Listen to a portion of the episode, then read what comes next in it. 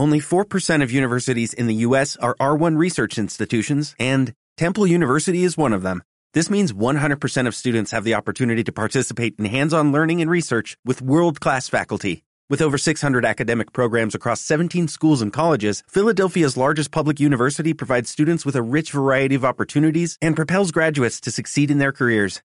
Temple University. Schedule a campus tour today at admissions.temple.edu/visit. Coses modernes.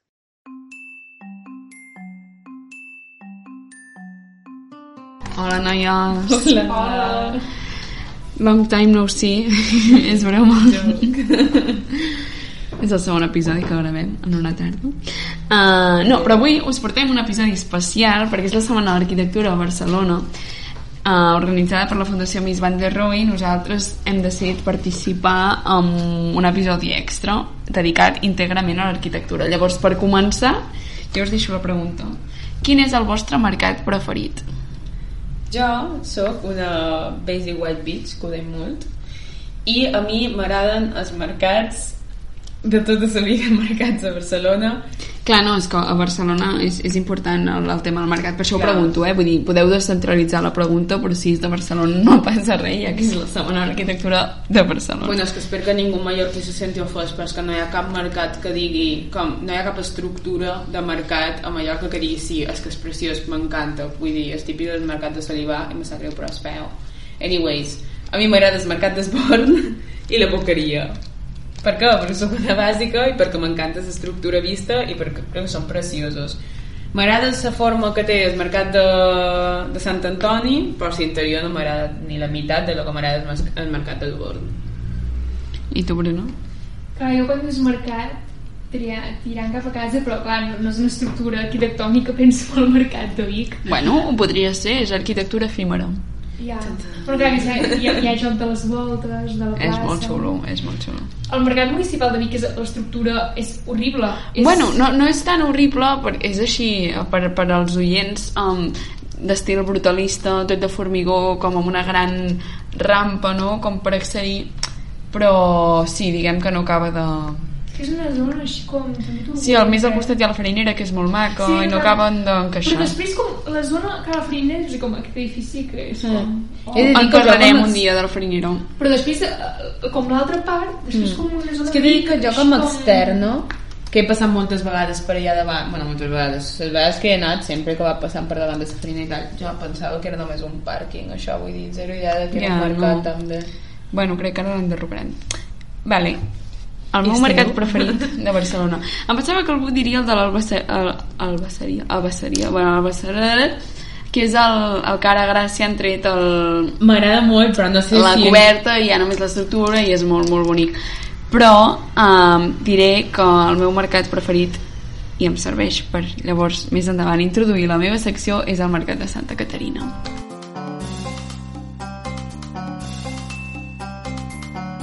Pues així, per començar l'episodi de Setmana d'Arquitectura um, i per, no sé, per posar com en context um, jo volia fer una secció sobre notícies de, com del món de l'arquitectura i coses que han passat aquest any que jo no sé per què tens la sensació de que sempre m'entero les coses d'arquitectura tard tant, quan ja hi han xerrat els mitjans de comunicació tradicionals, en plan, quan poses notícies, quan ho mir, uh, quan surt a Twitter, o alguna així, però sempre és com a dos mesos més tard de lo que sent que com a estudiant d'arquitectura me n'hauria d'enterar.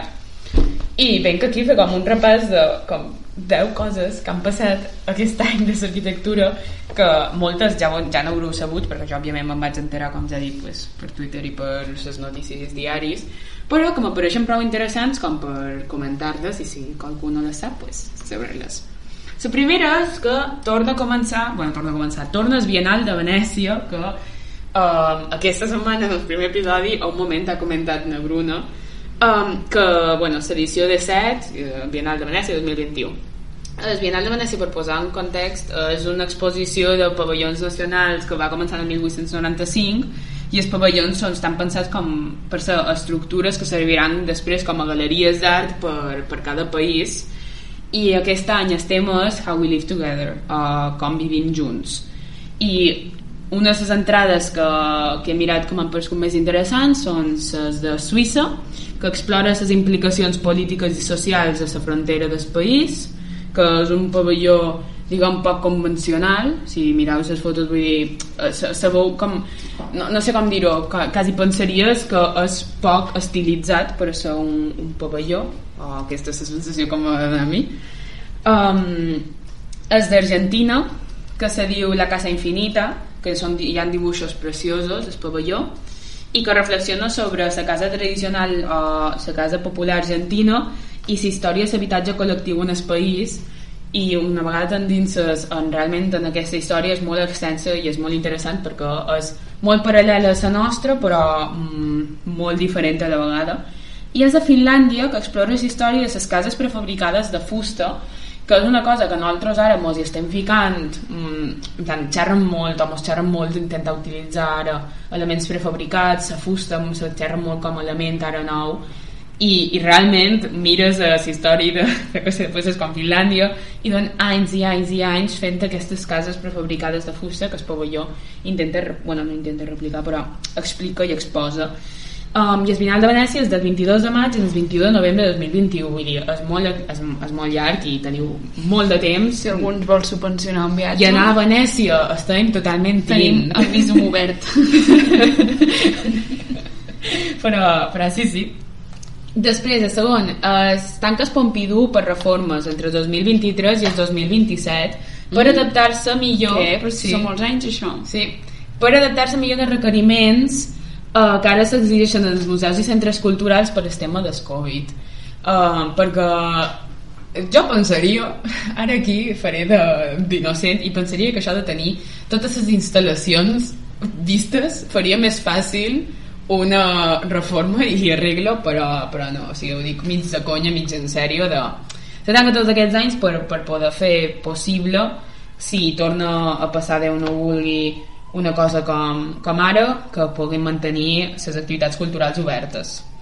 Després, la tercera, en Alberto Campo Baeza guanya el Premi Nacional d'Arquitectura de 2020 no té molta informació d'això perquè és, una, és un premi que te donen per la teva carrera així com a conjunt, vull dir, no li han donat per una obra específica sinó només per en Campo Baeza és un gran arquitecte. Té obres molt xules i m'ho han xerrat bastant de la carrera per lo que, mm. en plan, per lo que vaig recordant la quarta, resolució del concurs de superilles i espais uh. verds a Barcelona. És veritat que no l'hem comentat. Podríem no l'hem comentat, que també... Bueno, perdó, és que vaig en referència a l'episodi com anterior de la setmana perquè l'hem gravat fa en plan avui mateix però has dit un moment que podíem fer una secció sobre l'Eixample sí. pues mira, ah, veus? una de les seccions de l'episodi de l'Eixample que sigui això Uh, els projectes són per crear més superilles uh, a l'Eixample de Barcelona amb la fixació per la consciència ambiental i la creació d'espais comunitaris um, més conscients mediambientalment, a la vegada que segurs i no sé com dir-ho, uh, que acullin per igual a tothom. Um, i després, més inclusius. Més inclusius, gràcies, no me sortia. Um, I després hi ha els de superilles i també hi ha les creacions d'eixos verds. Um, els guanyadors són com quatre a cada cosa. Les superilles hi ha el Parlament de les Espècies, de l'estudi 08014, que va des de la plaça Consell de Cent a Rocafort, l'illa de les Illes, de la Clara Solà Morales, Albert Casas Álvarez i Frederic Villagrassa Álvarez, de la plaça de Consell de Cent a Comte Borrell, Jardí Illa, del grup d'Enginyeria i Arquitectura uh, SLU, que crec que és un... Bueno, igual. I l'ANLAB, que van des de plaça Consell de Cent fins a Enric Granados, i el Super Escosell, Escosell que és de l'Under Project Lab um, DO PBA Arquitectes que va de plaça Consell de Cent fins a Girona i després hi ha uh, la resolució del concurs d'Eixos Verds que també està en la mateixa línia que hi ha, hi ha quatre premis i una menció especial el primer premi és Caminades del Centre de Cierto Estudio amb Palomeres Arquitectes que és, és com ja el primer premi i són, Cierto Estudio són un col·lectiu d'arquitectes, sis dones. Una cooperativa. Una cooperativa mm. molt guai i us recomanem que cerqueu. De Sol a Sol, que és el segon premi i és de Esteico Cáceres Arquitectes amb Martí Frank Arquitectes i Nablab Barcelona Studio. Giravent, que de González Cavia i Cabrera Arquitectes amb Fabric Office, que és el tercer premi, i Galeries de Vida de Jardí d'Enginyeria i Arquitectura amb um, Agencete i Nana Coelho de Llobet. Sap greu si dic alguna malament, que és el quart premi. I després, sisena notícia. Um, es mostra d'aplicació... Ah, se mostra l'ampliació de l'SMAC va a càrrec d'AC Arquitectes i que se projectarà per el 2023. Um, això també dona per un altre episodi perquè només han sortit com una mica renders que expliquen coses però no ho expliquen tot i crec que és una cosa per lo que he vist les xarxes socials una mica controversial hi ha moltes opinions trobades i no sé, vosaltres si teniu qualcuna molt forta, però... No, no, la veritat no, no m'ho he mirat, però... De moment encara no. Bé, és una reforma a la classe dels àngels, que és una ampliació del SMACBA, que l'opinió con, així una mica... On se troben les opinions és en que llevaran molt d'espai per als skaters, llevaran molt d'espai de la plaça i tapen el que era es, com se diu? Era un convent? Sí. sí? I tapen una sa façana. Després, se porta a terme eh, encara més reformes d'urbanisme tàctic a Barcelona, que també he vist a les xarxes que hi ha moltes opinions trobades i que hi ha molta gent que hi està en contra, com per exemple en el carrer Pelais. I són aquestes que ampliacions de voreres i superilles que... Amb coloraines. Sí, exacte. Que, més és el que critica la gent. No sé, jo la crítica que he vist és més la gent dient que no s'utilitza en plan que és llevar espai per cotxes llevar espai per transport perquè la gent no ho utilitzi. Jo discrep, crec que sí que s'utilitza i crec que es, mos han de donar temps per adaptar-nos a començar a caminar per, per sa, lo que ja no és la vorera física. O sigui, crec que el problema és que tu en el moment en el que no estàs tropitjant penat com que te creus com que estàs sent intrusiu a un espai que hauria de ser per cotxes però en realitat, bueno, no sé que, que hi ha molts altres espais que ja són per cotxes. Vull dir que com us doni un poc més de vorera no, no mos matarà després, eh, se fa pública la idea de la reurbanització de la Rambla Catalunya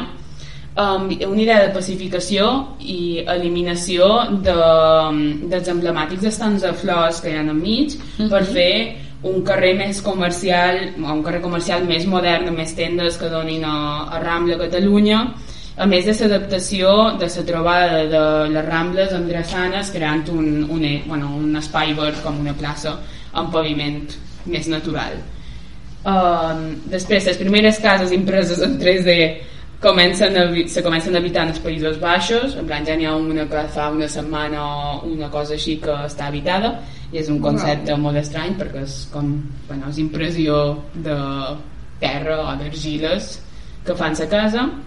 I la darrera és que s'aprova el disseny per una reforma eh, des terra del Coliseu que ara hi ha les runes i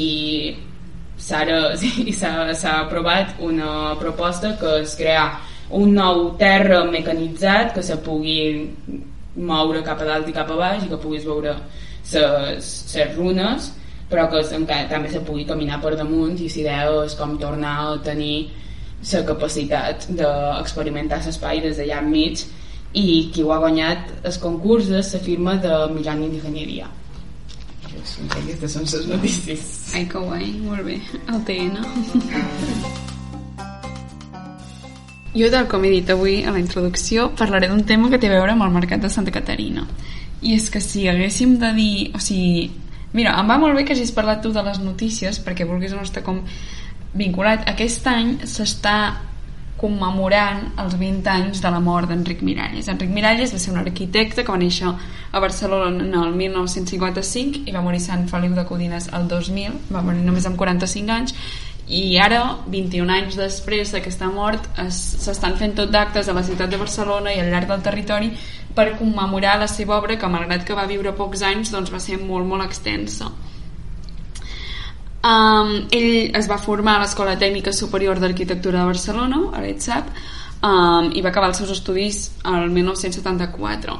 I llavors va ser professor del mateix ETSAP i de diverses escoles d'Europa i del món alhora que va exercir com a professional. Va començar um, treballant en diversos despatxos i després de seguida va muntar el, el seu propi despatx amb, amb la seva parella del moment, que era la Carme Pinós. Tenen diversos, bueno, moltíssims projectes rellevants, de fet tot el que van fer um, doncs, va ser altament celebrat, han tingut diversos premis i són dels millors arquitectes de, dels finals del segle XX, principis del XXI, um, però segurament els seus dos projectes més coneguts són el, el pavelló de Tiramarc, uh, que van projectar pels Jocs Olímpics, o el, el que més, i el més bonic segurament és el cementiri d'Igualada. Llavors es van separar i uh, Enric Miralles funda un nou despatx amb Benedetta Tagliabue, um, que és el que ha seguit un, un cop després de, de la seva mort. I dos, si, si haguéssim de resumir també tenen molts projectes rellevants segueixen guanyant molts concursos i construint i fent grans edificis a, a tot arreu del món. Però segurament aquí um, els més coneguts són el Mercat de Santa Caterina amb la seva esplendorosa coberta de colors, de teula ceràmica bueno, no sé si seria teula però peces ceràmiques um, que és, és espectacular realment i és un projecte molt bonic i um, un altre que també és bastant conegut és el Parlament escocès que, um, que és un projecte que segurament ara, passats 20 anys no? perquè es va acabar una mica uh, més tard que morís Miralles o sigui, no, no el va veure acabat però al moment va haver-hi molta um, molta polèmica primer perquè um, originalment uh, a veure si, si ho trobo um, sigui, es van passar molt del pressupost. Um, sí, va triar, o sigui, originalment era un projecte que s'havia de triar dos anys, havia de ser com molt modest, uh, i havia, tenia com un pressupost bastant com de 46 milions d'euros, que aviam, és bastant, però, però era com dins el que és un Parlament, que estem parlant d'un Parlament regional, no és un, par un Parlament d'un país, Ah, bueno, ara fa poc hi ha hagut les eleccions, ja veurem com acaba l'assumpte, però... i se'n van acabar gastant 414 milions. Um, llavors, ara segurament es considera que han estat amortitzats, no? Perquè com a... a... Haurà guanyat una mica també de nom en temps. Exacte, dir... però sí que al moment doncs, va haver-hi moltes crítiques de que no tenia res de l'essència escocesa, ni s'entenia l'homenatge que tant la Benedita com Enric Miralles havien intentat um, fer al, al poble escocès, però um, és això, és, és un dels seus um, projectes més coneguts i realment un, una meravella llavors um, jo avui no vinc a parlar de cap d'aquests projectes potser més coneguts perquè um, ara mateix estan fent diversos actes a, a la ciutat on, on els podeu trobar. De fet hi ha una exposició molt xula que tinc pendent um, que hi ha al Centre d'Art Santa Mònica sobre dibuixos i col·lajos i una mica com el procés de treball de, de l'arquitecte sinó que parlarem d'un dels que he esmentat que és el, el pavelló de Tiramarc um, que van projectar juntament amb Carme Pinós um, per als Jocs Olímpics del 1992 a la ciutat de Barcelona a veure, val a dir um, és un, un projecte que ha estat abandonat durant molt temps, de fet ara us explicaré una mica, però formaven, eren dos pavellons, el d'entrenament i el de competició, i un es va, es va desmuntar.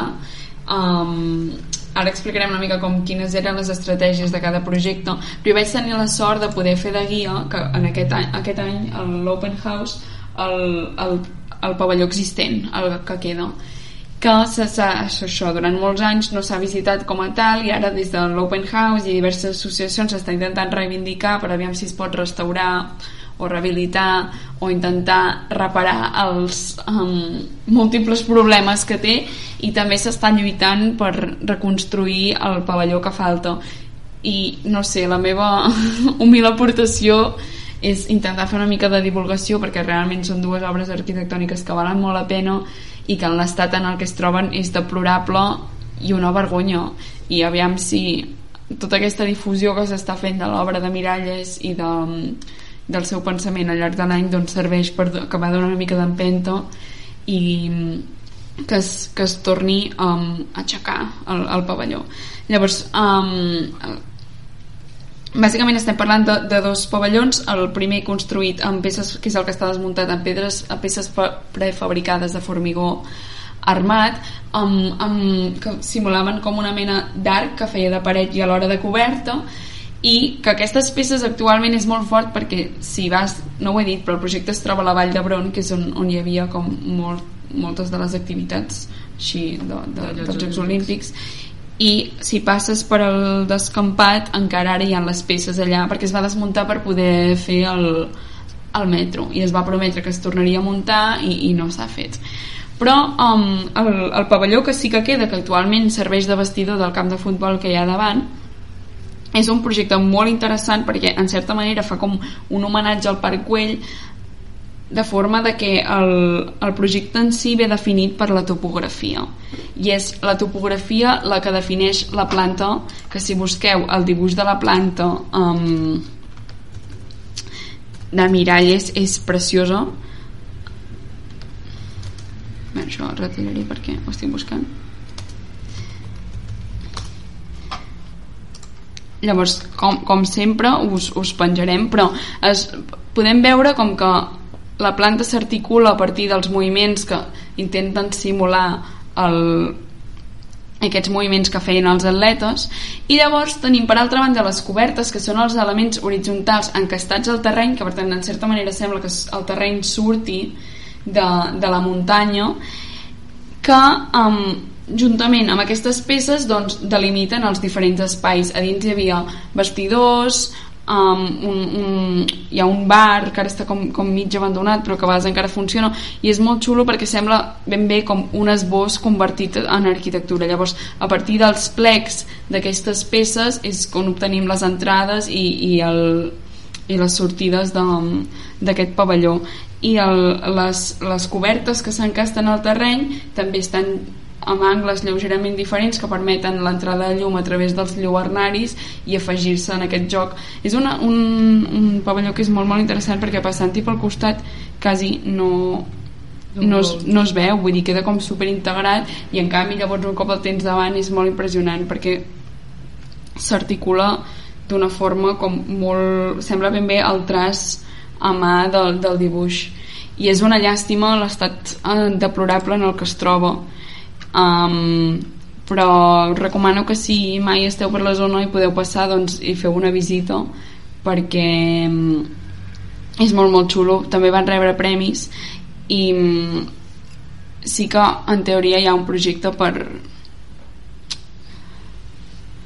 rehabilitar-lo o, o intentar si més no exacte, perquè les peces ceràmiques que són com molt característiques moltes han caigut algunes de les cobertes no es troben en gaire ben estat els va haver-hi com una, una rehabilitació posterior per intentar donar-li aquest nou ús de vestidors llavors al nivell d'obertures i algunes xapusses i, i sap molt greu, vull dir, al final ve gent de tot el món a visitar l'obra d'Enric Miralles i que nosaltres mateixos no puguem, no puguem valorar-la i, i donar-li com la importància que té. I, i ja llavors si més a més es reconstruís l'altre pavelló que tenia com en, en les voltes aquestes que explicava de formigó obertures triangulars i, i circulars de manera que la llum es filtrava i es projectava a la paret de davant com amb, amb una forma molt clara superpreciosa també gent que, que hi havia estat em, em va explicar com de tant en tant veies coses uh, no adequades vull dir que ah. el, el tenir aquestes obertures en un lloc on has de canviar doncs també pot suposar alguns inconvenients.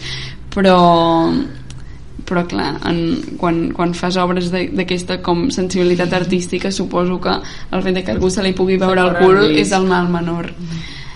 I res, convido a, a tothom a visitar-la i a cercar d'informació sí, i des de dalt les cobertes veu tot Barcelona realment és un, un lloc privilegiat um, que molta gent només coneix si han hagut de jugar a futbol al camp de davant i, i per casualitat s'han estat canviant a un vestidor projectat per Carme Pinós i Enric Miralles. I res, fins aquí l'episodi d'avui. Esperem que us hagi agradat aquest doble episodi setmanal. No us acostumeu perquè venen exàmens. I estarem uns I no. dies segurament sense gravar. Però... What a sorprès. en aquestes alçades ja no hi ha ningú sorprès Um, però res, um, bona setmana de l'arquitectura, bon cap de setmana, perquè bon això ho penjarem un divendres. I res, descanseu, aprofiteu el bon temps, que ve la primavera i ens veiem d'aquí poc. Adéu. Una abraçada, adeu. Adéu.